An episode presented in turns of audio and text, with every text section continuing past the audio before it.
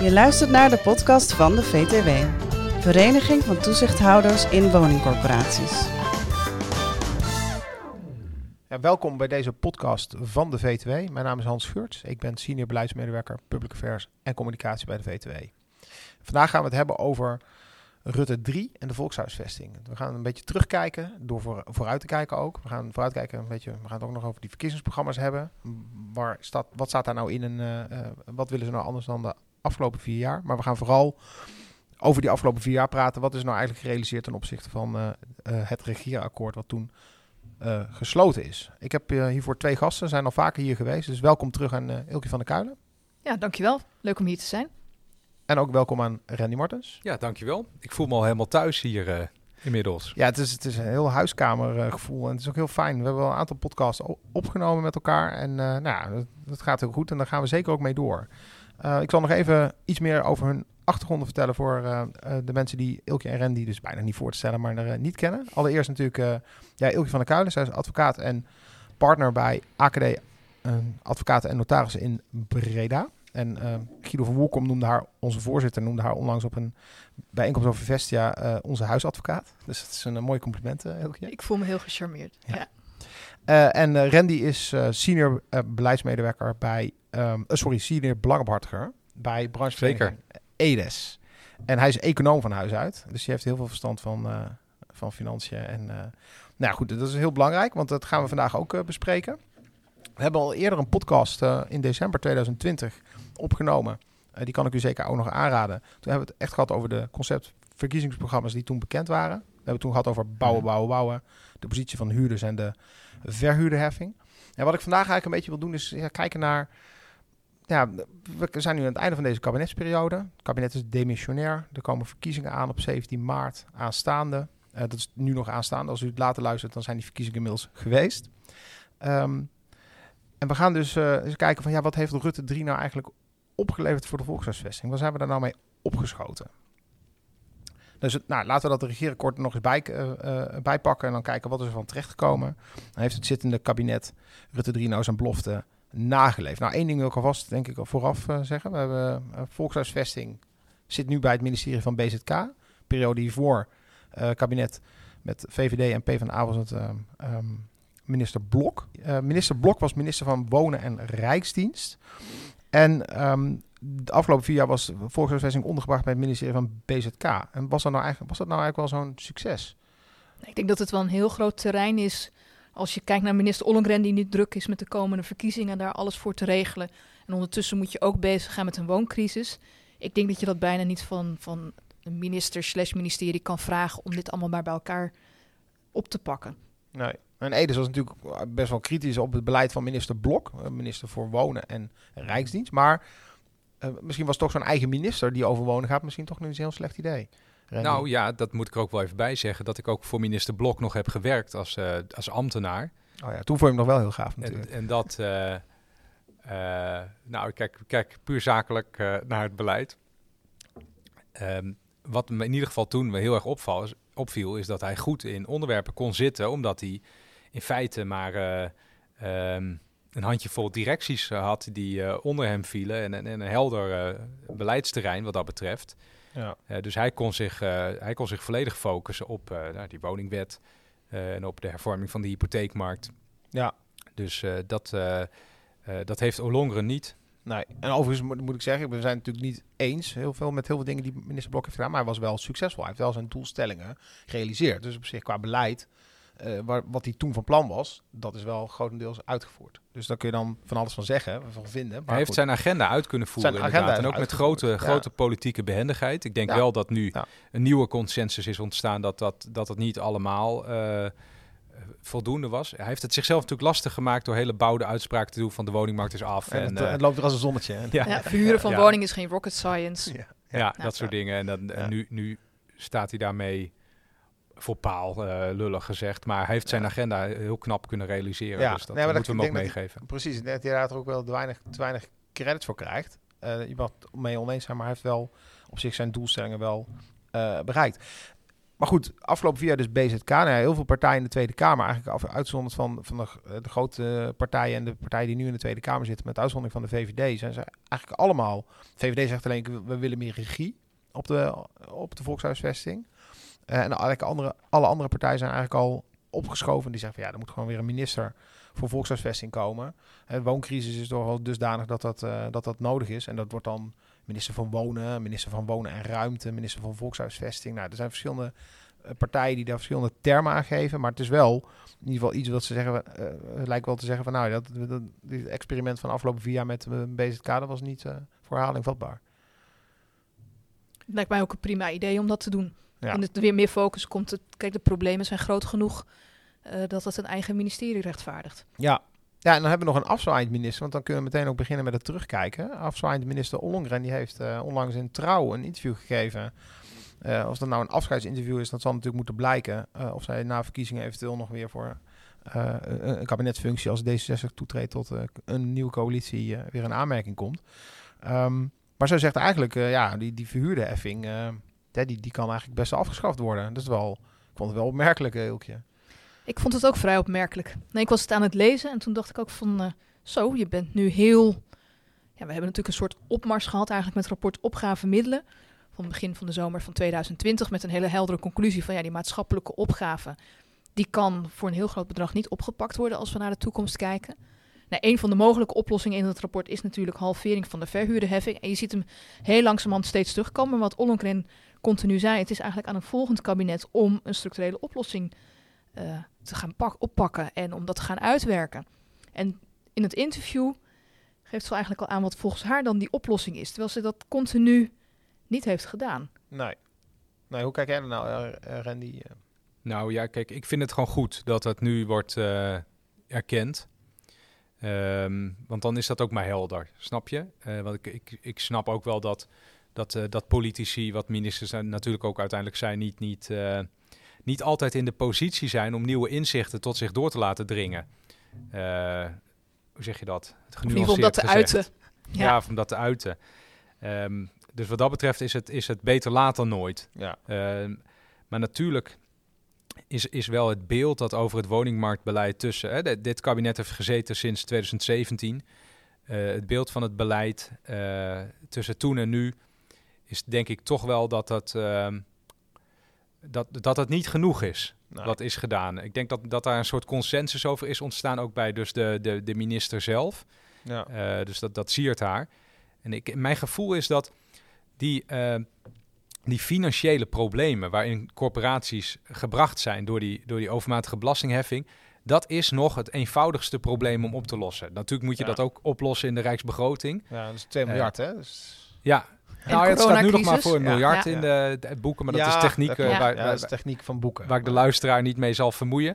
Uh, maar uiteindelijk, dat vind ik ook dus het opvallende als je naar, dan weer naar de toekomst kijkt iedereen is het er nu over eens dat er iets moet gebeuren. Maar dan, dan kom je ook in de uitvoering van hoe ga je dat ja. dan doen. En daar liggen de echte, uh, de echte grote opgaven. Want daar, daar, we hadden het eerder over de, in een eerdere uitzending over de autoriteit, woningcorporaties. Die zeggen ook, ja, als je het geldprobleem hebt opgelost, dan zijn er nog een aantal andere problemen. Bijvoorbeeld hè, het, gebrek aan locaties en, het, de traagheid van procedures die je dan door, doorheen moet. Ja, dat moet een nieuwe minister uh, gaan oplossen. Ja, nou goed, in ieder geval veel partijen dus uh, een speciale minister weer voor volkshuisvesting uh, terug en niet meer bij Binnenlandse Zaken. Ja goed, het regeerakkoord uit 2017, ja, het lijkt echt een eeuwigheid geleden. Dat regeerakkoord heette Vertrouwen in de Toekomst. Ja, het is heel raar natuurlijk, want ja, niemand kon natuurlijk de coronapandemie voorzien. maar goed, er zijn nog wel meer crises geweest. Nou, het, dat akkoord werd destijds gesloten door Mark Rutte, toen al zittend minister-president. Uh, Gert-Jan Segers van de ChristenUnie, Sibrand Buma en Alexander Pechtold. Ja, Buma natuurlijk van het CDA en Pechtold van D60. Nou, zij zijn alle twee inmiddels van het politieke toneel ja. uh, verdwenen. En dat lijkt ook, uh, ook, dat lijkt ook gewoon langer dan vier jaar geleden. Misschien ligt het ook aan corona, dat, dat alles, alles langer, langer lijkt te duren. Maar het is echt een, een, een eeuwigheid geleden. Ja, het, ik heb het bijna het gevoel alsof je een verhaal uit de middeleeuwen vertelt met allemaal, allemaal namen die al zo lang van het, van het toneel zijn verdwenen. Ja. En ik moet ook wel zeggen dat. Uh, je, hebt het, je hebt de tekst van het regeerakkoord met ons gedeeld van tevoren. Ja. Nou ja, dat leest ook wel toch wel behoorlijk gedateerd of zo, hè? Uh, Dat is het ook. Ja, ja, er is zoveel gebeurd ook in de jaar. Want je hebt natuurlijk zoveel externe factoren. Dan noem je corona inderdaad. Maar die woon wooncrisis is, is niet veroorzaakt door uh, alleen dat de regering onvoldoende heeft gedaan. Maar juist door allerlei andere factoren die ook in die vier jaar omhoog zijn gekomen. Ja, nou, misschien eentje. Er is veel, er is veel meer arbeidsmigratie geweest dan waar uh, het CBS, of waar men impliciet van uitging. En ik zeg dan heel duidelijk impliciet, omdat er dus ook dus geen centrale monitoring is van hoeveel woningbouw is er nou eigenlijk nodig. En dat is denk ik een van de lessen die de afgelopen vijf jaar is ge, uh, vier jaar is geleerd. Uh, dat je dat wel nodig hebt. Want anders, uh, als je nu constateert dat je nu woningen nodig hebt, dan had je tien jaar geleden had je, ben je tien jaar te laat, bedoel ik eigenlijk te zeggen. Ja. Ja, nou misschien daarom dus nu dat ze nu zeggen 100.000 woningen per jaar en dan een miljoen uh, in 10 jaar. Om dat in ieder geval een beetje op te vangen. Ja, maar dat is ook. Dat, ja, uh, uiteindelijk moet dat, moeten dat soort aantallen natuurlijk gestoeld zijn op, op uh, goede, goede tellingen en analyses en ramingen. Ja. Um, en de overheid is op dit moment niet in de positie om dat te doen. Nee. De Kamer heeft ook gedurende deze periode, dus ook met steun van coalitiepartijen, uh, definitie is dat dan zo, gezegd dat er weer een ministerie van Vrom moet komen. Uh, en dat, dat uh, dan, de, dan zeggen mensen vaak, ja, een nieuw gebouw met een ander bordje op de gevel, dat doet niks. Alleen dat was natuurlijk een van de taken van dat ministerie om in de gaten te houden van hoeveel woningen je nou eigenlijk nodig hebt. Ja, gewoon plannen en uh, nou ja, ook een beetje landelijke regie en sturing daarop. Ja. ja. ja. En ik denk dat het decentrale stelsel wat ja, verder is uitgewerkt, uh, en dan bedoel ik dat gemeenten dus in, in, de lead zijn om te bepalen hoeveel woningen er nodig zijn. Um, dat dat decentrale stelsel wel kan blijven bestaan, maar dat je daar duidelijk aan toe moet voegen. Uh, wat doe je als je dan constateert dat die gemeenten opgeteld te weinig woningen bouwen of de verkeerde woningen? Ja. Want de volgende crisis, uh, dat, dat, dat, mag je opschrijven aanhouden, dat wordt dan een tekort aan oudere woningen. Ja, want Nederland veroudert. En dat is een van de dingen die heel goed kan voorspellen, want iedereen wordt ieder jaar één jaar ouder. Dus op een gegeven moment heb je, Vanzelf. Ja, heb je bepaalde oudere woningen nodig. En niemand is die woning... Of niemand, ik eh, chargeer het even. Die woningen worden niet in voldoende mate gebouwd. Maar die zegt dus eigenlijk straks staan er heel veel eensgezinswoningen voor waar eigenlijk niet, die, die niet geschikt zijn voor de doelgroep die er eigenlijk in zou moeten wonen. Ja, ik heb die cijfers nu niet, niet uh, meer voor mijn neus liggen, maar ook binnen de corporatievoorraad zijn er geloof ik honderdduizenden woningen waar uh, kort gezegd uh, uh, een oudere uh, die uit, uh, in de loop van het leven alleen is komen te staan in een veel te grote woning woont. Ja. Um, en dat, ja, dat is eigenlijk een inefficiënt gebruik van de woningvoorraad. Maar dat ja. komt ook omdat er geen woningen, geschikte en betaalbare woningen zijn voor die mensen om dan naartoe te gaan. Ja, nee, precies. Nou ja, goed. Dus nou, dat is ook weer een deel voor, natuurlijk vooruitkijken. We, we, we, gaan vandaag ook nog eigenlijk terugkijken op, die, op dat op, vertrouwen in de toekomst. Nou, wat staat er nou eigenlijk in dat regeerakkoord? Nou, dat is natuurlijk uit, weer zo'n uitputtend uh, uh, gedetailleerd stuk geworden. Nou, de, wonen heeft daar een, een eigen hoofdstukje in. Twee A4'tjes. Nou, dat gaat van een groot deel dan ook nog over de koopmarkt. en voor een heel groot deel gaat het over de duurzaamheid in de gebouwde omgeving. Hè? Dus welke maatregelen, gasloos, het regeerakkoord allemaal voor afspraken maakt. Um, ja, wat het eerste wat wat mij betreft al misgaat, ik weet niet of je het daarmee eens zijn, uh, uh, is dat het regeerakkoord het niet heeft over volkshuisvesting, maar over de huurmarkt. En dan begint het bij mij eigenlijk al, bij het woord markt begint het eigenlijk al te kriebelen. Ja, die begrijp ik wel. Omdat ja, markt, ik, ik kijk er veel meer naar van je hebt voor een aantal mensen in Nederland ook gewoon te zorgen als staat. Dat zijn de mensen die, die met moeite die eindjes aan elkaar kunnen knopen. Van hoe kun je voor ze zorgen? Via natuurlijk ons hele sociale stelsel, via uitkeringen en dergelijke. Maar ook voor een dak boven hun hoofd. En daar is helemaal niet een markt voor. Het is niet zo van dat huurders kunnen kiezen van... oh, ik wil liever een woning voor corporatie A en corporatie B... en dat ze tegen elkaar op moeten bieden. Integendeel, we hebben een heel groot tekort daaraan. Dus ik, ik vind het woord markt... ja, dan denk ik van dat, dat past niet. Nee, ben je het eh, eens, eh, Randy, met uh, dat huurmarkt een verkeerde term is voor Ja, dat, is, dat, dat lijkt een woord, maar dat is een, dat is een ideologisch statement wat, wat uh, nog stamt uit de bloktijd. Het is een neoliberale... Ja, nou ja, dat was ook een beleidsambitie om er een markt van te maken. Ja. Um, en nu is, kijk, ik, het eerste punt uh, wat daar dan genoemd wordt in dat stukje is: er moeten meer betaalbare huurwoningen in de vrije sector komen. Ja. Nou, daar ja. kan je van constateren dat dat ronduit mislukt is. Uh, er wordt niet gebouwd in dat segment. En wat er in dat segment zit, vanwege dat het dus een vrij segment is, is ongelooflijk uh, duur geworden. Ja. Ja, en, en, dat was wel de gedachte van Blok van corporaties. Jullie houden je inderdaad alleen maar bezig met die sociale huurwoningen. En alles boven de liberalisatiegrens, dat gaat de markt wel oppakken.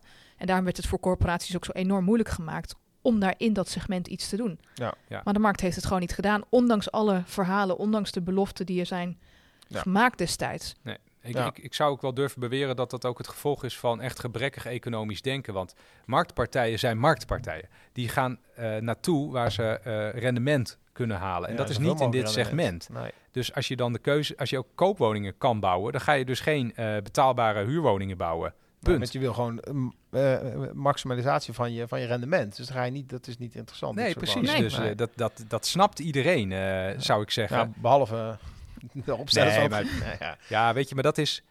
Ik denk dat, dat dit is lang geleden. En dit is ook, hoe zeg je dat, opgesteld door de mensen die natuurlijk uh, in, het, in, het, in de regering daarvoor zaten. En ik denk dat die te veel bezig zijn geweest met het beleid wat ze toen hebben neergezet, door, te, door te trekken. En geen oog hebben voor uh, die tekorten die, die eigenlijk toen al wel zichtbaar waren. Ja. ja, en ook de consequenties van die tekorten. Dat dus, als er een tekort is aan huurwoningen, dat dus marktpartijen veel hogere huur kunnen vragen. En dat dan nog steeds er potentiële huurders zijn. Want dat effect was nog niet zo zichtbaar in 2017. Dat is met name daarna heeft dat een enorme sprong genomen. Ja, nee, dat moet ik ook wel erkennen. Dat, dat toen ik dus zelfs ambtenaar in het wonen werkte, toen was er echt geen beeld van dat er zo'n groot woningtekort op ons afkwam. En ik weet ook nog wel dat, dat toen voor het eerst de huisprijzen weer een beetje stegen. Ehm, kijk, als het eenmaal gebeurd is, dan denk je van het had altijd al zo moeten zijn. Alleen uh, bijvoorbeeld in, uh, in andere landen, zoals Japan, dalen huisprijzen al twintig jaar. Dat is, dat, daar werd ook wel rekening mee gehouden dat ze nooit meer zo hard zouden stijgen. Ja. Uh, dus daar, daar hebben veel mensen zich gewoon in vergist. Maar gaan die prijzen misschien dan in de toekomst uh, dalen op het moment dat er eensgezinswoningen in overschot zijn? Nou ja, tot nu toe, um, hoe zeg je dat? Ik, ik, ik, twijfel altijd of je het zo hard moet, moet willen zeggen, maar tot nu toe faalt het systeem in het, in het realiseren van voldoende woningen. En ik zie dat ook niet op de korte termijn uh, verbeteren. Want je moet inderdaad wel ongeveer 100.000 woningen per jaar bouwen. En volgens mij is het eerder iets van 70 uh, voor, voor dit jaar, wat het, voor het afgelopen jaar, wat het wordt. Dus het tekort wordt ieder jaar groter. Dus ja, de huisprijzen zullen uh, hoog blijven. Ze kunnen wel een keer instorten. Hè? Dus als de beurzen bijvoorbeeld zouden instorten, kunnen ook dit soort uh, vastgoedklasses uh, of assetklassen mee, meezakken. Ja. Maar ze zullen nooit, ze zullen niet meer door dat soort marktwerking betaalbaar worden. Nee, precies. Ja. Nou ja, goed, we hebben het al even over, die, over het woningtekort gehad. Uh, kon iemand het voorzien? Nou ja, het kabinet heeft, wat nu vier jaar heeft gereageerd, heeft ons nu opgezadeld, zou je kunnen zeggen, gechargeerd met 330.000 woningen die we tekort hebben. hebben ze ons daarmee opgezadeld? Is dat, is dat de schuld van het kabinet? Hebben ze te weinig voorzien? Of zit dat probleem al elders of al eerder? Is dat probleem al eerder ontstaan, maar niet onbekend? Nou, ik, ik, denk dat het moeilijk is van... Kijk, jij hebt ook geen glazen bol uh, dat je precies kan zien hoe het over een aantal jaar eruit gaat zien. Uh, je weet ook niet wat de coronacrisis gaat doen op de woningmarkt, op de huizenprijs, op de inkomens van mensen. Je verwacht allemaal een economische crisis die eraan gaat komen. Maar als we naar de afgelopen maanden kijken, lijkt het relatief mee te vallen nog. Ja. Er is wel een krimp, maar minder dan in de landen om ons heen. En ik vind dat heel moeilijk om dan de woorden opgezadeld te gebruiken. Want ik denk van, je weet het soms ook gewoon niet. Nee. In 2017 konden we niet weten dat er in 2021 330.000 woningen nou, Ik denk niet in deze mate. ik denk dat niemand dat, dat destijds zo verwachtte. En dan kun je de vraag stellen, hadden ze daar beter onderzoek naar moeten doen? En was het dan wel gebleken? Ja, misschien wel. Ja. Maar het is zo... Van, ik weet ook niet hoe de wereld er over vier jaar uitziet. Ik, ik, kan wel, ik kan wel een beetje schetsen voor de luisteraar hoe, hoe dat dan in de praktijk gaat. Dus het, uh, en, hoe je dan uh, met zo'n probleem kan komen te zitten als wat je nu hebt. Namelijk het, het, CBS, het Centraal Bureau voor de Statistiek, maakt een raming van de verwachte bevolkingsgroei. Um, het feit is uh, gebleken dat die ramingen echt grandioos te laag waren. En dat is vanwege hogere migratie, vooral arbeidsmigratie. Dus gewoon mensen uit de Europese Unie die hier dan gaan werken. En die mensen hebben meteen een huis nodig. Hè? Dus als, als je een kind krijgt, dan blijft dat kind in de regel eerst nog 18 jaar bij je wonen, bijvoorbeeld. En dan heeft het niet meteen een huis nodig. Maar arbeidsmigratie heeft meteen effect op het woningtekort. Uh, op basis van die ramingen maken de provincies dan uh, structuurvisies waarin staat hoeveel woningen er uh, mogen komen. Dus provincies eh, stellen ook een soort bovengrens in de regel. Hè? Dus er mogen dan niet meer dan zoveel woningen komen. Want dat was namelijk de vorige grote discussie. We moeten niet te veel bouwen, want dan ja. gaan de huisprijzen zakken. Ja. Het is heel, kapitaal, heel bourgeois gedacht natuurlijk, hè? dat dat dan het grootste probleem is, dat, dat je huis dan 5% minder waard wordt. Maar goed. Ja. Ehm, en dan die provincies uh, hebben dan die structuurvisie. Dat is allemaal heel uh, langdradig uh, bestuurlijk proces natuurlijk. En dan maken gemeenten maken woonvisies. Ja. En dan gaan gemeenten met bijvoorbeeld corporaties afspraken maken. Dus dat is een, voordat dan een woning er staat, heb je een bestuurlijk proces van tien jaar. Dus op het moment dat je constateert dat je te weinig uh, woningen hebt, dan moet je, had je eigenlijk tien jaar terug in de tijd gemoeten. En daar dan uh, in, in, in te grijpen. Maar, maar als ik jou beluister, dan zeg je ook van de, de basis waaruit alles is afgeleid, die was al niet juist. Ja, dat die klopt, ramingen. Ja. En, en ik kan me voorstellen dat als jij inderdaad bezig bent met het beleid, dat je gewoon afgaat op wat er in die ramingen staat. Ja, dat vind ik in ieder geval een hele logische gedachte. Dus is niet iets wat je het, kabinet Rutte 3 kan verwijten of het kabinet Rutte 2, wat natuurlijk in die periode zat van die wat tien jaar teruggaan, dan zit je dus in, uh, in Rutte 2. Dat is niet wat je ze dan uh, onder de neus kan wrijven. Ja, dat hebben jullie niet gezien of zo. Of niet? Nee, ik denk dat denk wat, wat, wat je leert uh, hiervan is dat je niet ramingen moet aannemen alsof dat de waarheid is. Dat blijft onzeker. Ja. en wat wel een beleidsmatig gevolg, of wat wel een gevolg is van de beleidsmatige keuzes die gemaakt zijn, is dat het nu heel lastig is om in te grijpen. Omdat het stelsel decentraal is, dus die gemeentes die, ja, die zijn de belangrijkste speler. Uh, ja, die kan, je niet, die kan je niet even vertellen van jullie moeten dus meer woningen bouwen. Ja, dat kan je wel zo zeggen, ja, maar, dat, dat, gebeurt dan nog niet. Hè? Nee, nee, dat is niet automatisch. Dus vroeger had je ouderwets besturen. Dan zei je vanuit het ministerie van Vrom, zei je, oké, okay, uh, heer Hugo Waard, 10.000 woningen bouwen. Ja, met uh, die, die kleur keukenkastjes. Ja, dat ging heel ver. ja, ja, nou, ja, niemand pleit ervoor om, om naar, naar zo'n systeem terug te gaan. Uh, maar ik denk wel dat je, moet, dat, je, dat je iets moet gaan doen met quota's. Van jij moet minstens zoveel woningen bouwen. En dan daaruit minstens zoveel oudere woningen en betaalbare huurwoningen en dat soort dingen. Ja, maar dan moet je wel weer die locaties hebben. Dat is dan nog steeds wel het punt dat ik denk van ja, van ook in een gemeente van zoek maar naar welke locatie daarvoor dan geschikt is. Het is niet zo dat uh, de weilanden zeg maar uh, volop beschikbaar zijn waar de woningen kunnen komen. Nee. En dat vergt ook weer keuzes hoe je daarmee om wil gaan. Nee, ja, dat is heel lastig. Ja. Want er wordt nu dan eh, vaak geroepen bouw de weilanden maar vol, maar uh, ja. gewoon even praktisch. Als je een, een, woningwijk in een weiland neerzet, dan moet er eerst een weg en uh, nutsinfrastructuur en misschien een station. En als je een station wil bouwen en een treinspoor, dan had je eigenlijk ook al tien jaar geleden had je geld daarvoor moeten reserveren in weer hele andere jaren strategieën. En, uh, ja, ja, het zijn andere ministeries, allemaal heel ingewikkeld. Ja. Ja, dat is een beetje infrastructuur en alles moet natuurlijk allemaal geregeld worden. Ja, want in die verkiezingsprogramma's nu, daar staan best wel weer ambitieuze plannen. Uh, voor hè, woningbouwproductie moet omhoog. Uh, nou, uh, 100.000 woningen per jaar bouwen en zo. Er zijn verschillende partijen die daar ook um, op, op willen sturen. Nou, dan kijken we even weer terug naar dat regeerakkoord. En dan gaan we, ik ga even de speerpunten opnoemen van het kabinet Rutte 3 op het gebied van wonen. invoering van de omgevingswet. Dat is het eerste. Dat is een hele. Ja, goed, ik misschien nog iets die, over Die is er nog niet. Nee, die is er nog niet. Uh, aanjagen van de woningbouwproductie. Oké, ik noem ze gewoon even op. Hè. Dan uh, kerntaak uh, corporaties is dus bouwen, verhuren en beheren voor de laagste inkomens. Hè, dus echt terug naar de kerntaak, voerend op de woningwet 2015.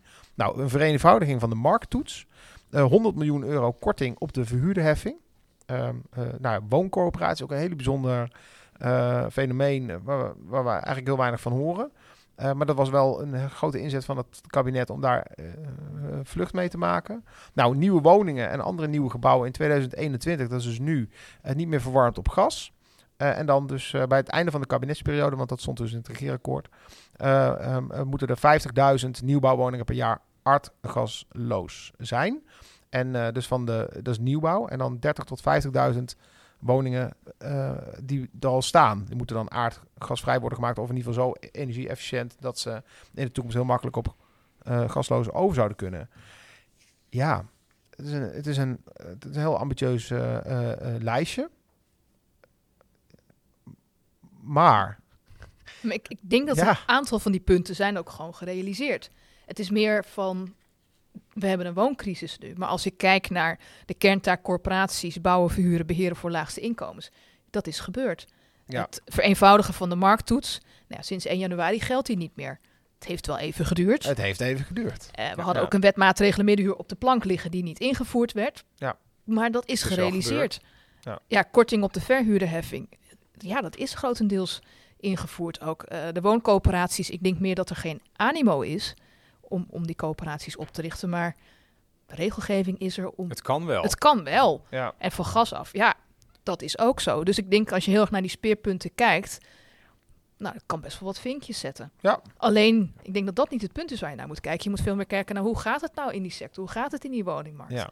En dan zien we enorme problemen die, die opgelost moeten gaan worden. ja, dus operatie geslaagd, patiënt overleden. Of mag je het niet zo zeggen? Of patiënt is zwaar gewond in ieder geval. Nou ja, de operatie Ja. is niet helemaal geslaagd natuurlijk, want de omgevingswet die Ja, staat dat- niet voor niks op Nee. één. Nee. Ja, Ontzettend eh, bepalend voor hoe dat dan eh, gaat in het, eh, met wonen en bouwen in Nederland. Ja, Ja, die is er nog niet. Ik ben geen eh groot deskundige op de omgevingswet hoor, maar ik weet dat die er nog niet is. nee, Nee, dat klopt. Nee. Ja. Nee, en als het aan wethouders en gemeenten eh, ligt, dan, eh, Komt hij er ook niet, geloof komt ik. hij er hè? ook in ieder geval niet in deze vorm. nee, ik, ik weet Nee. dat die enorm complex is en het wordt een van de meest grote wetgevingsoperaties genoemd ooit. Ja. Nou, dat, dat geeft wel wat aan. Ja. Ja. Ja, dus de, wat dat betreft, dus die ambitie is dan niet gerealiseerd. Maar ik hoorde dus eigenlijk wel zeggen van ja, nou, op het gebied van volkshuisvesting, eh, de punten die als speerpunt door het kabinet worden genoemd, dat, heb, dat is wel gelukt. Alleen de problemen zijn inmiddels zo groot dat het. eh, Nou ja, kijk, ik zou het... Ja, precies. Ehm, Ja. Die, die, hoe zeg je dat? Het voltooien van dat stelsel wat door Blok eh, is neergezet, dat is, eh, dat is gelukt. Ja. Alleen het, nu blijkt dat dat stelsel onvoldoende eh, erin slaagt om betaalbare huisvesting te realiseren. Dus dat is, dat is dan een veel groter ja. probleem wat, wat nieuw is. Nee, Ilke, heb jij nog een eh, toevoeging daarop? Ja, met name, ik denk dat het stelsel er dan misschien wel is, maar dat het onvoldoende rekening heeft gehouden met de realiteit, met de markt waar we het net over hadden, met allerlei externe factoren die niet voorzien waren destijds. En ik denk dat er met name een enorme opgave ligt voor het kabinet voor de komende vier jaar. Ja, nou ja, ambitie is in ieder geval geen gebrek bij de, bij de partijen die dus nu eh, campagne eh, gaan voeren eh, over eh, ehm, de komende kabinetsperiode. Wat zij dus allemaal voor plannen en ideeën hebben. Eh, er wordt ook wel ge- gezegd van, nou ja, dat, dat moeten echt wel dingen anders. Niet alleen de minister, maar ook inderdaad gewoon weer, er moet weer meer gebouwd worden, meer aandacht voor de volkshuisvesting. Dat jagen wij natuurlijk alleen maar toe als, eh, als betrokkenen. Ik denk dat dat voor iedereen hier geldt.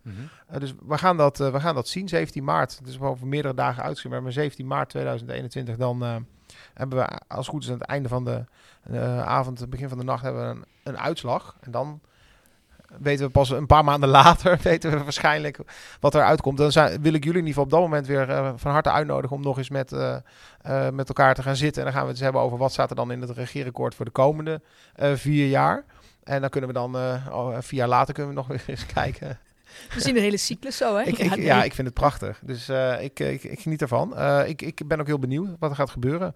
Um, dus nou ja, dank in ieder geval um, aan Ilkje en Randy. Ja, graag, graag gedaan.